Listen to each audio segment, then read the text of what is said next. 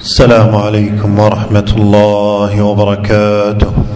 إن الحمد لله نحمده ونستعينه ونستغفره ونعوذ بالله من شرور أنفسنا وسيئات أعمالنا. من يهده الله فلا مضل له ومن يضلل فلا هادي له. وأشهد أن لا إله إلا الله وحده لا شريك له. وأشهد أن محمدا عبده ورسوله. أما بعد فإن أصدق الحديث كلام الله وخير الهدي هدي محمد صلى الله عليه وسلم وشر الأمور محدثاتها وكل محدثة بدعة وكل بدعة ضلالة وكل ضلالة في النار. أما بعد عباد الله ان الله تعالى أمرنا باتباع رسوله صلى الله عليه وسلم وسلوك سبيله وأمرنا بالاتباع ونهانا عن الابتداع وقال سبحانه اتبعوا ما أنزل إليكم من ربكم ولا تتبعوا من دونه أولياء وكان نبينا صلى الله عليه وسلم يحذر من البدع فيقول إياكم ومحدثات الأمور فإن كل بدعة ضلالة واعلموا أن البدع والمحدثات في الدين هي من أصول البلاء والفتن وأن الشيطان يحرص كل الحرص على صد الناس عن الدين الصحيح فإن رأى منهم عدم رغبة في الدين شجعهم على ذلك وزين لهم المعاصي والشهوات وفتح لهم أبواب الشبهات وإن رأى منهم محبة للدين أدخل عليهم من البدع والزيادات ما يفسده عليهم فتنبهوا لذلك. واعلموا أن الشريعة جاءت كاملة. لا تحتمل الزيادة والنقصان لأن الله تعالى يقول اليوم أكملت لكم دينكم فلا مكان للبدعة في دين الله. قال الإمام مالك رحمه الله من ابتدع في الإسلام بدعة يراها حسنة فقد زعم أن محمدا صلى الله عليه وسلم خان الرسالة لأن الله يقول اليوم أكملت لكم دينكم فما لم يكن يومئذ دينا فلا يكون اليوم دينا. إن المبتدع يا عباد الله معاند لله مشاق له لأن الله حدد الطرق الموصلة إلى الخير وحصرها. وهذا المبتدع يريد أن يزيد عليها أو ينقص منها. فجعل نفسه شريكا لله في تشريعه وكفى بذلك ضلالا واثما مبينا. والله أمر باتباع ما شرعه. فابى المبتدع ذلك واتبع هواه بغير هدى من الله. عباد الله لما كثرت وسائل النقل المعلوماتية وتسهلت وانتشرت أصبح الناس ينقلون لغيرهم ما يصل إليهم من غير تأكد من المعلومة. وصحة الخبر والحديث مع اجتهاد أهل البدع في نشر بدعهم واستغلال مثل هذه الغفلة من المسلمين فوجب التنبيه على تلك البدع في أوقاتها حتى يكون المسلم على بصيرة من دينه. ومن هذه البدع ما يفعل في هذا الشهر شهر رجب الذي نحن في أوله من العادات الجاهلية والأمور البدعية التي يزعم مرتكبوها أن لشهر رجب خاصية على غيره في العبادات وليس الأمر كذلك فإن شهر رجب أحد الأشهر الحرم ولم يثبت عن النبي صلى الله عليه وسلم في فضل رجب حديث بل عامة الأحاديث فيه عن النبي صلى الله عليه وسلم كلها كذب. يقول شيخ الإسلام ابن تيمية رحمه الله وقد أحدث الناس في هذا الشهر عبادات لم يشرعها الله ولا رسوله.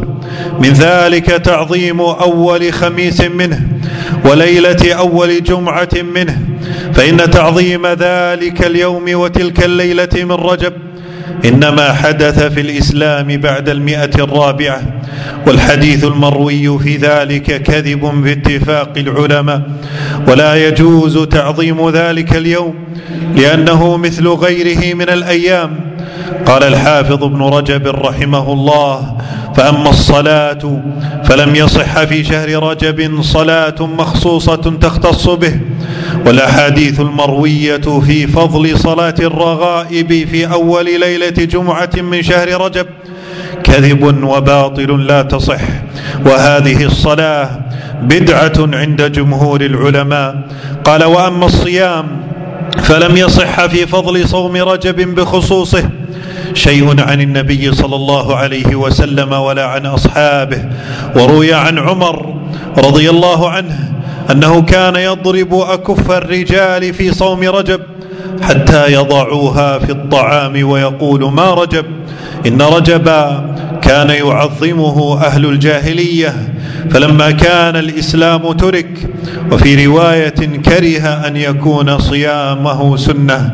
ومن البدع المنكرة التي تفعل في هذا الشهر بدعة الاحتفال بذكرى الإسراء والمعراج.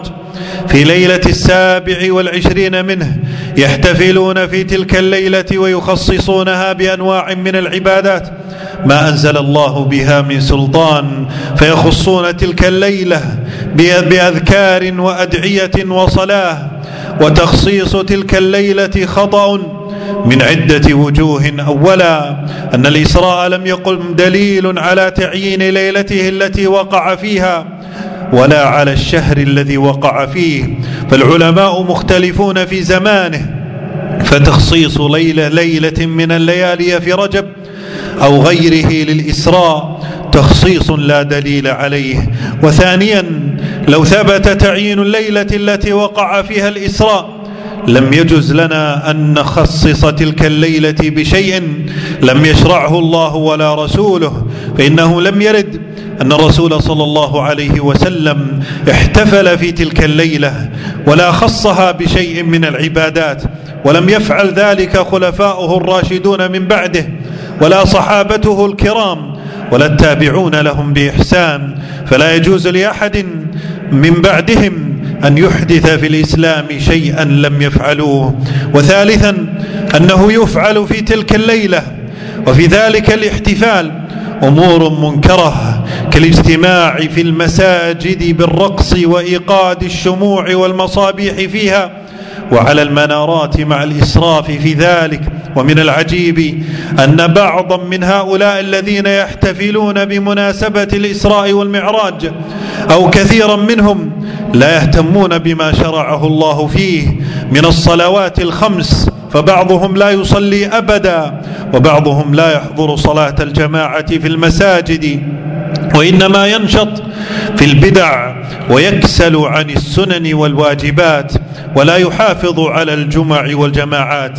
عباد الله إن البدع مع أنها إحداث في الدين وتغيير للملة فهي آثار وأغلال تضاع فيها أوقات وتنفق فيها أموال وتتعب فيها أجسام وتبعد من الجنة وتقرب من النار وتوجب سخط الله ومقته ولكن أهل الغي والضلال لا يفقهون وفي طغيانهم يعمهون لا يزيدهم عملهم عند الله إلا بعدا ولا اجتهادهم وتعبهم إلا مقتا وردا. يقول الإمام البربهاري رحمه الله واعلم أن الناس لم يبتدعوا بدعة قط حتى تركوا من السنة مثلها.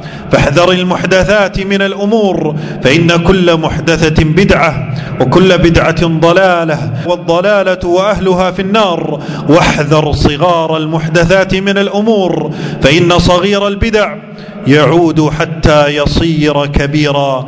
انتهى كلامه رحمه الله. أقول ما تسمعون وأستغفر الله العظيم لي ولكم من كل ذنب فاستغفروه إنه هو الغفور الرحيم. الحمد لله والصلاة والسلام على رسول الله وعلى آله وصحبه ومن اتبع هداه. أما بعد عباد الله أوصيكم ونفسي بتقوى الله فمن اتقى الله وقاه ونصره وكفاه عباد الله لقد حذر السلف الصالح من الابتداع في الدين غاية التحذير لعلمهم بخطورة هذا الأمر وأن البدع والمبتدعة من أسباب هلاك الناس لأن البدعة تجر إلى أختها فيصبح المسلم يتقلب بين الأهواء والبدع والضلالات والمذاهب المنحرفة والأحزاب البدعية بل قد يصل به الأمر إلى تكفير المسلمين وقتالهم كما قال تعالى فلما زاغوا أزاغ الله قلوبهم. واسمع معي إلى هذا الأثر العظيم الذي يبين فيه الصحابة خطورة البدع وما تجر إليه.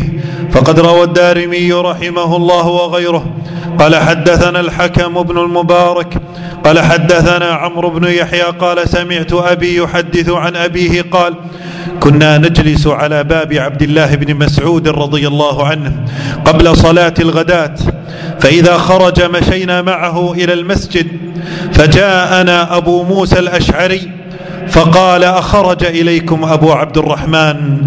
بعد قلنا لا فجلس معنا حتى خرج.